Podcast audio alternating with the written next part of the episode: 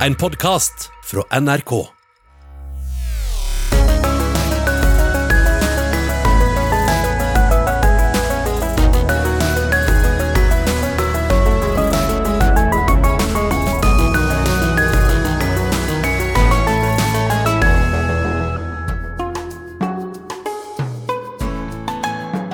Hun ene tok adjø med sin gode venn og tidligere ektemann dagen før Norge stengte ned. Hun andre mista mannen sin brått en sommerdag for fire år siden. Hvordan er det å være en offentlig person og dele sorga med alle? Anita Skorgan og Elisabeth Andreassen er dagens gjester i campingstolen.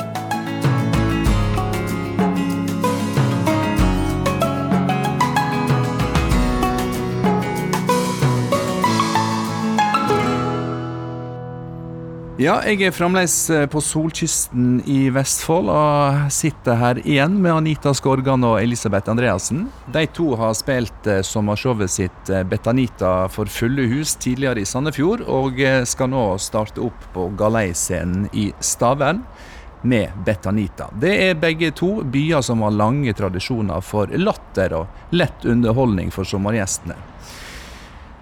Men sommershowet deres inneholder ikke bare latter og moro, Elisabeth? Ja, stort sett. Ja, Det Ja. er litt trim for tårekanalene òg.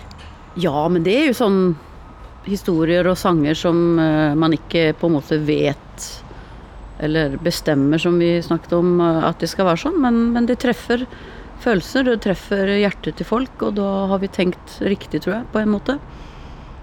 Men eh, det er i hvert fall vitsen med et show og en underholdning, at de skal treffe hjertet og føles i, i kropp og sjel. Anita, det siste du gjorde før eh, Norge stengte ned i koronakrise, det var å ta farvel eh, i Tønsberg kirke med Jahn Teigen. Og så hedrer dere han i showet dere spiller nå. Hvordan opplever du at publikum tar imot det? Jan hadde jo en helt spesiell plass i eh, nordmenns hjerter. Og det har han eh, fortsatt, og vil ha i mange, mange år, tror jeg. Og en fantastisk sangkatalog eh, som jeg ikke tror vi finner maken til i Norge, i forhold til hvor mange som har blitt hiter, og som folk kan utenat. Så publikum tar jo veldig, veldig godt imot det. Det må jeg si. Det er en stor glede å formidle hans sanger Mm. uh, videre. Og vi plukker jo ut de vi selv liker eh, best. Så mm, det er en stor glede. Dere to står altså sammen på scenen for eh, aller første gang, eh, og har fått scener felles. Og i vår fikk dere jo også da noe mer til felles ved at eh, Jahn Teigen døde. Elisabeth, nå er det fire år siden din mann Tor døde brått. Dere hadde vært sammen i 26 år i går var det bryllupsdag, faktisk. Mm. 28 år har vi vært sammen. Mm. Og han døde midt på sommeren, Mm. eh, i juni, like før ferie og glade dager. Eh, hvordan opplevde du sommeren 2016? Ja, det kan du nesten tenke deg. Det var eh, Det hadde jo ikke spilt noen rolle hvilken tid det var på året, for å si det sånn. Så det har ikke noe med det å gjøre, men eh, det var bare sjokk og Ja, hva skal jeg si? Det var grusomt. Forferdelig. Eh, I og med at man kjenner at man har to døtre også, som man skal ta vare på. Pappaen var jo en helt for dem, og pappa og alt det beste som de kunne ha i livet. Så det var bare å reise seg opp og stå opp på sengen i morgen, ta, satte på kaffen og ta vare på jentene og seg selv. Og prøve å finne en hverdag. Eh, og jeg hadde jo også et show som skulle gjøres fi, tre uker etterpå. Og jeg må jo si at det, det var egentlig bra, for da hadde jeg et eller annet jeg kunne fokusere på som jeg skulle gjøre, even om det var skikkelig tøft. Så var det for meg positivt at jeg hadde det. Og så følte jeg liksom en uh, tsunami av kjærlighet fra norske folk. Si, og det var, en, det var nesten som en sånn sjokkopplevelse. Det var så vakkert. Det hjalp alle oss tre. Uh, det var en liten trøst For det var utrolig mye fine meldinger om hva han betydde for folk. Og hvem han var, og hvor alle var glad i han og sånn. Ja. Men du var jo veldig åpen om dette. Ja, det er min uh, måte Ingenting jeg planlegger. Det bare ble sånn, det. Og det er jo ikke alt jeg prater om heller. Men jeg tror, og vet nå i dag, at det var en trøst for mange, og at jeg har fått vanvittig mye tilbakemeldinger på kvinner, f.eks. Mødre i samme situasjon, som har mistet sin mann og har barn og er helt fortvila og uh, Ja. Så noen ganger hjelper det litt, men det var ikke noe jeg planla eller visste hvordan jeg skulle gjøre det. Det er bare sånn som skjedde, og sånn er jeg. Det, det var min måte å gjøre det på. Mm. Anita, det å oppleve å miste en nær, og oppleve at hele Norge på en måte deler den sorga og, og, og lever seg veldig inn i det, er det bare godt?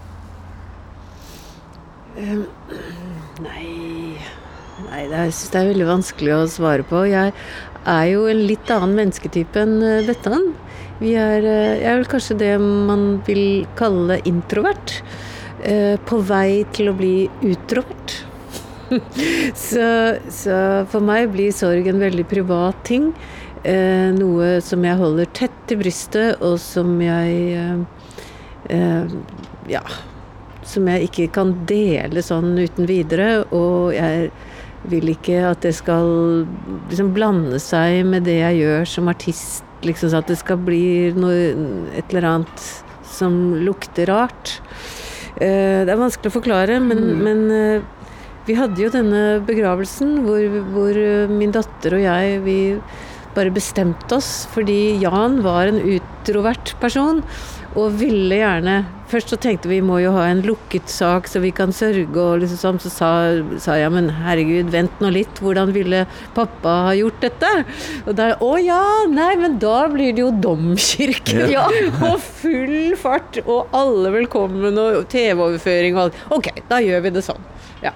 Og da måtte vi ta oss sammen begge to og bare kjøre liksom det der. Og så opplever vi da at det ble en veldig fin ting.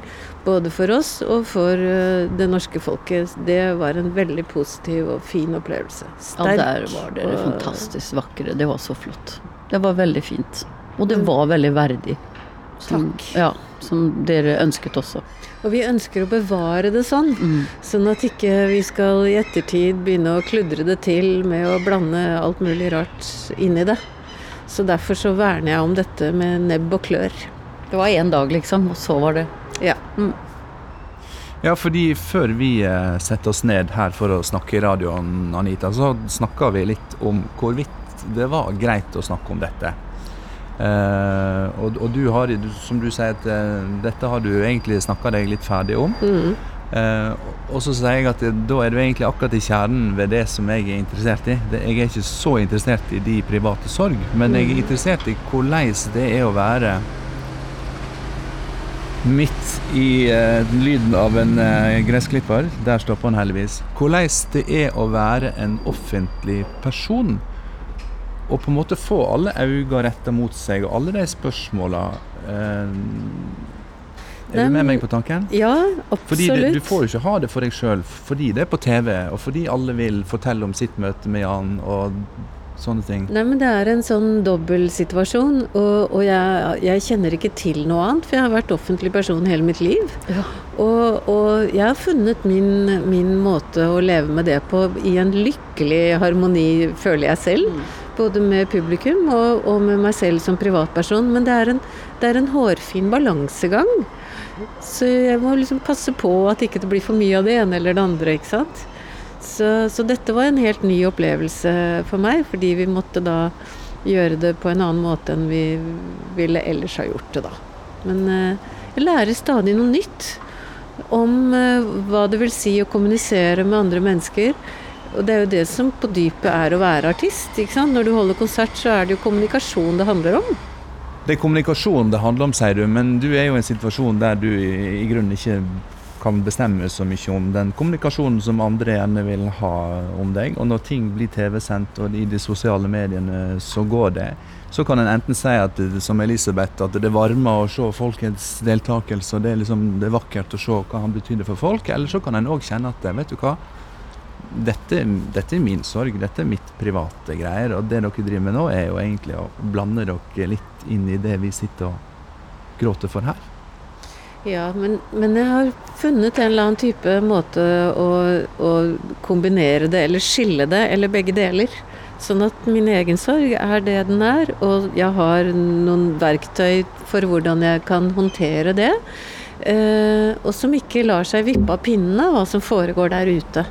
Og så syns jeg også, som Bettan, at det er utrolig vakkert at uh, min tidligere ektemann og min gode, gode venn har betydd så mye for det norske folk. Det, det syns jeg er helt nydelig. Og det er jo dessuten uh, faren til uh, min kjære, kjære datter. Så Det er vakkert. Mm. Ferdig snakka. Ferdig snakka i den omgang. Vi, altså, vi er jo offentlige personer, og jeg er også vant til det. Så man har et eget system på de tingene som slår inn når ting skjer. Det er også ting jeg ikke snakker om i blader og sånn, men even om folk ikke tror det, så Der er vi.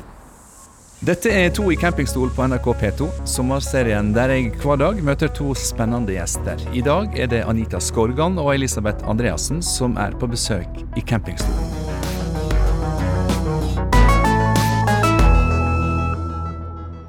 Elisabeth, du sier at du skiller mellom hva du vil dele og hva du ikke vil dele i offentligheten. Hvordan gjør du de vurderingene? Hva er det du det er forteller egentlig, meg? det er egentlig hjertet mitt som gjør det. Jeg har en sånn indre pendel som går på rødt og grønt. Og den har jeg brukt eh, ja, nesten stort sett hele livet, halve livet i hvert fall, når det gjelder å avgjøre vanskelige spørsmål og vanskelige ting. Noen ganger jeg ikke, kjenner jeg ikke pendelen med en gang, men jeg venter til dagen etter. Og så går den på grønt, og så går den på rødt, og så går jeg på det. Og det, har, det er oftest veldig viktige avgjørelser, og det blir riktig mange ganger. For jeg går etter magefølelsen og, og sånn, og det kan være ting at jeg går imot det jeg egentlig vil også. Men det føles at det er riktig. Eh, men jeg er jo en veldig åpen person, så jeg snakker jo om ja, sorg eller glede eller eh, Ganske Hva skal man si? Jeg føler at jeg har, hjelper noen, da. Kanskje. For jeg har fått så mye tilbakemeldinger om det. Men hva får du igjen sjøl for deg sjøl ved å, å, dele historier med andre i aviser og ukeblader og sånt? Nei, hva får jeg igjen? Jeg får igjen alle tilbakemeldingene. En slags trygghet at det er folk der ute som også har samme situasjon. Som ikke har noen å snakke med, og som har et mye, mye mindre nettverk rundt seg enn det vi har. Vi har jo et fantastisk nettverk rundt oss av både venner og, og, og folk som gjerne er glad i oss og vil hjelpe. Så jeg føler liksom alle de der Jeg har svart nesten alle som har sendt meg på Messenger. Mødre, folk som har spurt meg om hvordan jeg takler det, og hvordan tenkte du da, og jeg har fire barn og mistet mannen min i forrige uke, og sånne ting. Og jeg har sittet veldig lenge og svart på alle disse folkene. Det føler jeg er en slags ting jeg får tilbake, som betyr noe for meg, da. Anita, du sa det sjøl, at du var en introvert eh, person. Og du er ikke den eneste artisten jeg vet om som er introvert, eller som definerer seg som det? Jeg leste en hel bok om dette, og da viser det seg at opprinnelig så er ca. 90% av menneskeheten introvert. Og introvert har liksom kommet i et dårlig lys. Men det er den naturlige måten å være på. Ja, det... og de, hvis du går gjennom alle de store oppfinnelsene i historien, hvem er de laget av? Jo, de introverte. For de elsker å sitte og konsentrere seg i en krok for seg selv. Og, og, og ja, jeg kan snakke lenge om dette, mm. men, eh, men Godt eh, poeng. Og utrovert, det ble ikke populært å, å være før uh, man uh, søkte etter dørselgere i ja. USA. Før Da søkte man etter den utroverte, den, den, utadgående personen. Og så ble det liksom Til slutt så gikk det så galt at å, hun er introvert. Det er en slags diagnose. Men det er jo faktisk uh, at, man, uh, at man, har et indre liv. Ja, det er jo kreativt. Ja. ja. Så, så det er jeg stolt over å være introvert. Men, men eh, å være sammen med Bettan er en stor lise for meg, fordi det er noe ukomplisert ved hele mennesket. Deg. Eh, du sier hva du mener, og det er ikke noe tull. Det er rett frem og masse Og jeg blir så trygg av det. Det er kjempe, kjempefint. Og jeg tror også det er en av grunnene til at eh, Bettan og jeg vi jobber så bra sammen. Ja, du blir trygg av Bettan, men, men, men klarer du å beholde tryggheten i møte med et eh, samfunn som blir stadig mer nærgående, hvis jeg eh, hvis jeg har rett i det. Altså, det er sosiale medier, det er liksom eksponering hele tida. da. Klarer du å fremdeles være trygg i den offentligheten som du har stått i i flere tiår? Ja, det syns jeg er lettere og lettere. I og med at eh, jeg prøver å, å flytte min egen tyngdepunkt og ha den inni meg. At ikke mitt tyngdepunkt ligger der ute, for da er den jo akkurat som en båt som ligger på et svært hav uten anker, som er avhengig av hvilken vind som kommer. Da er jeg jo hjelpeløs. Men hvis mitt anker er inni meg selv, så kan jeg jo selv styre. Hvis det kommer en vind, så, så kan jeg velge hvordan jeg skal reagere på det. Ja. Og så er det kanskje lettere for deg å, å si nei og sette grenser da, for sånne som meg, Absolutt. som kommer og lurer på om du har lyst til å dele. det er helt nødvendig for at jeg skal overleve. Så, så må jeg lære meg det. Og det, det har tatt noen år å lære det. Men er det lettere for deg som introvert, tror du, å liksom si at nei, dette er mitt, dette får ikke du, enn for Bettan som er en eh, Jeg har ikke noe problem med å si det, men jeg kanskje er mer åpen. Men jeg har ikke noe problem med å si at dette vil jeg ikke. Det, det, det har jeg ikke problem med. Jeg er, Nei, jeg er veldig trygg i meg selv. Jeg, jeg er egentlig ikke redd for noe som helst. Jeg vet liksom hele tiden hva jeg vil. Jeg kjenner på pendelen min, og så vet jeg ikke, så venter jeg døgn, og så ja, kommer svaret. Jeg er redd for de bølgene der ute, for de har jeg ikke noe kontroll på. og derfor er det nødvendig å putte ned ankeret Ja. I ordentlig sandbunn, eller hva det blir. Hva blir Da, det da må du ha sann anker, Anita. Ellers så går det ikke. Du hører på To i campingstol på NRK P2, sommerserien der Anita Skorgan og Elisabeth Andreassen i dag er gjester.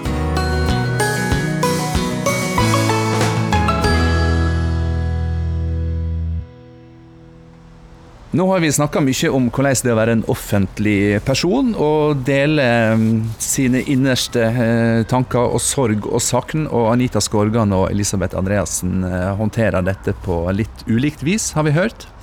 Så er spørsmålet hvordan kommer en seg videre når en har mista noen som en har hatt kjær og nær store deler av livet? Elisabeth, eh, mannen din Tor døde for fire år siden. Og det var et stort tap, både for deg og døtrene dine. Og så gikk det jo ikke så lang tid før du også delte at du måtte videre i livet ditt. Ja, altså, vi har jo ikke noe valg. Altså, min, min vei i livet er en veldig fin grusvei med masse fine blomster på begge sider. Masse fine farver. De bare spretter opp.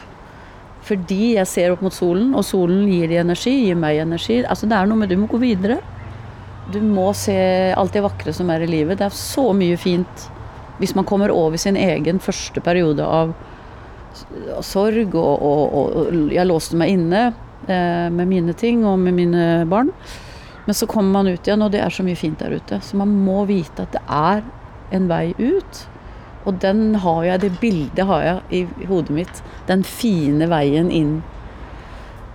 Med alt det vakre rundt. Pluss at eh, det er så mye fine mennesker der ute som er glad i oss. Som eh, tenker på oss og støtter oss. Og, og så fins det masse andre fine mennesker som man kan starte om igjen på.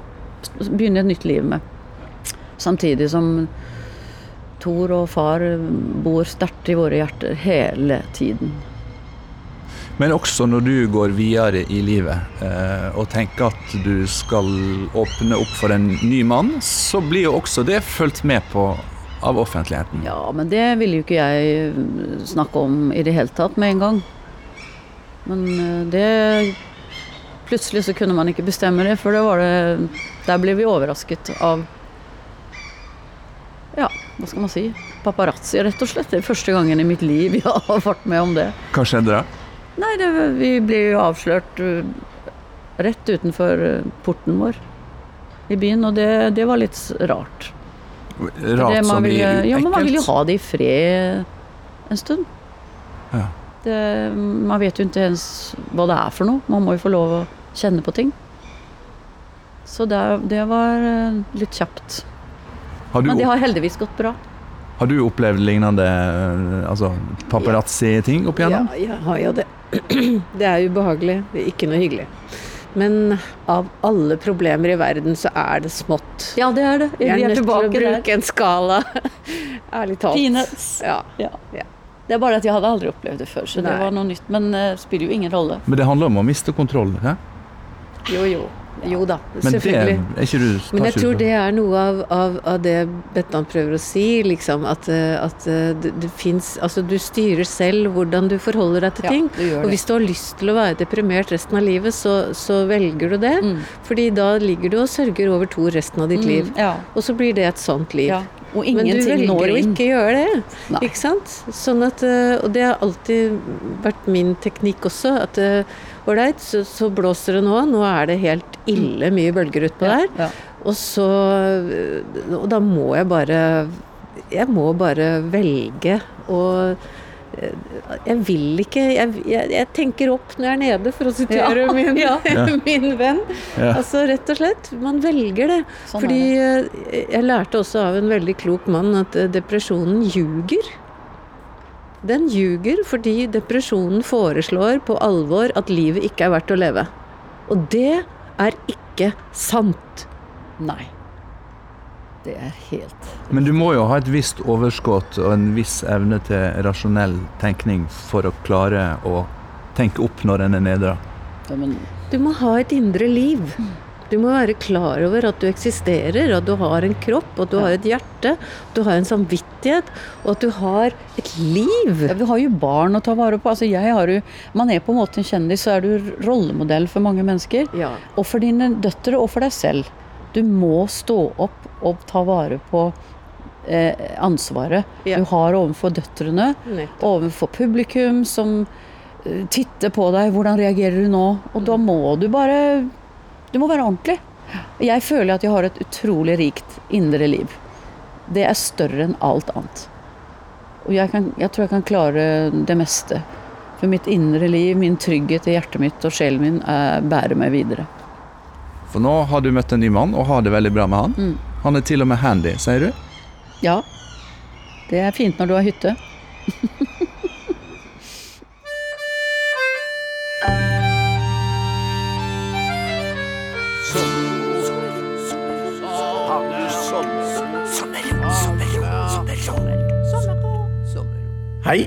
det her er Henning Sommerro. Jeg lurer på, hva er det som gir det sommerro? Jo, det skal jeg si deg. eh, nesten hver sommer så har jeg jo sommershow eller et eller annet på gå. Og når premieren er over, og man har pugga i lenge og vært veldig inne i sin boble Sommerro da er for meg å komme tilbake til hytta, sette meg på stranda med en god bok, en kopp te eller et glass vin, hva det nå er, og sitte med føttene i, i sjøen og se det som Anita sa, det glitrer på sjøen, og være fri og ikke ha noe å gjøre mer enn å bare kose seg. Det er sommerro, det. Men klarer du å slappe av? Ja, skal jeg love deg jeg klarer. Absolutt. I min lille sommerstol nede på stranda. Jeg er så heldig jeg har egen strand. Det er motbydelig! Det er motbydelig. Men Den inngikk i tomta, faktisk. Så der sitter jeg og slapper av. Anita, du eh, fortalte at du hadde kjørt fra mobilen din i Oslo. Så nå har du levd et døgn uten smarttelefonen din. Hvordan har du det med ditt indre liv nå uten telefon?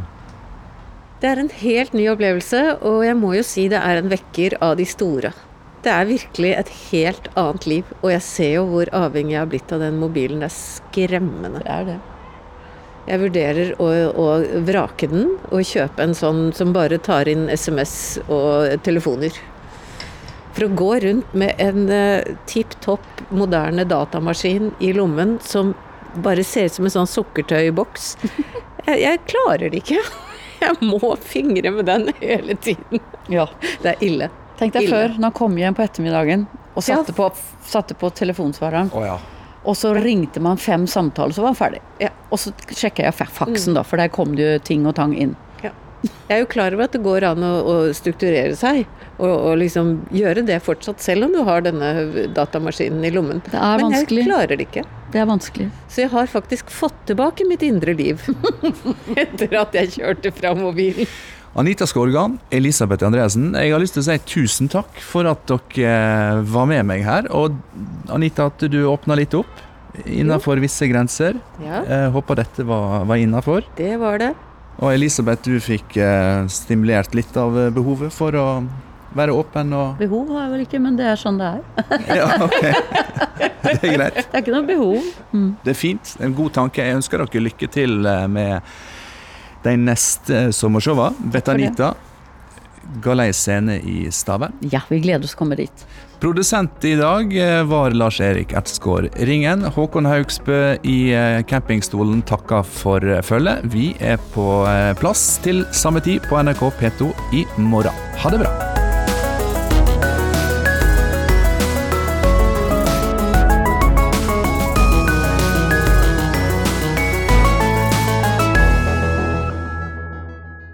Du har hørt en podkast fra NRK.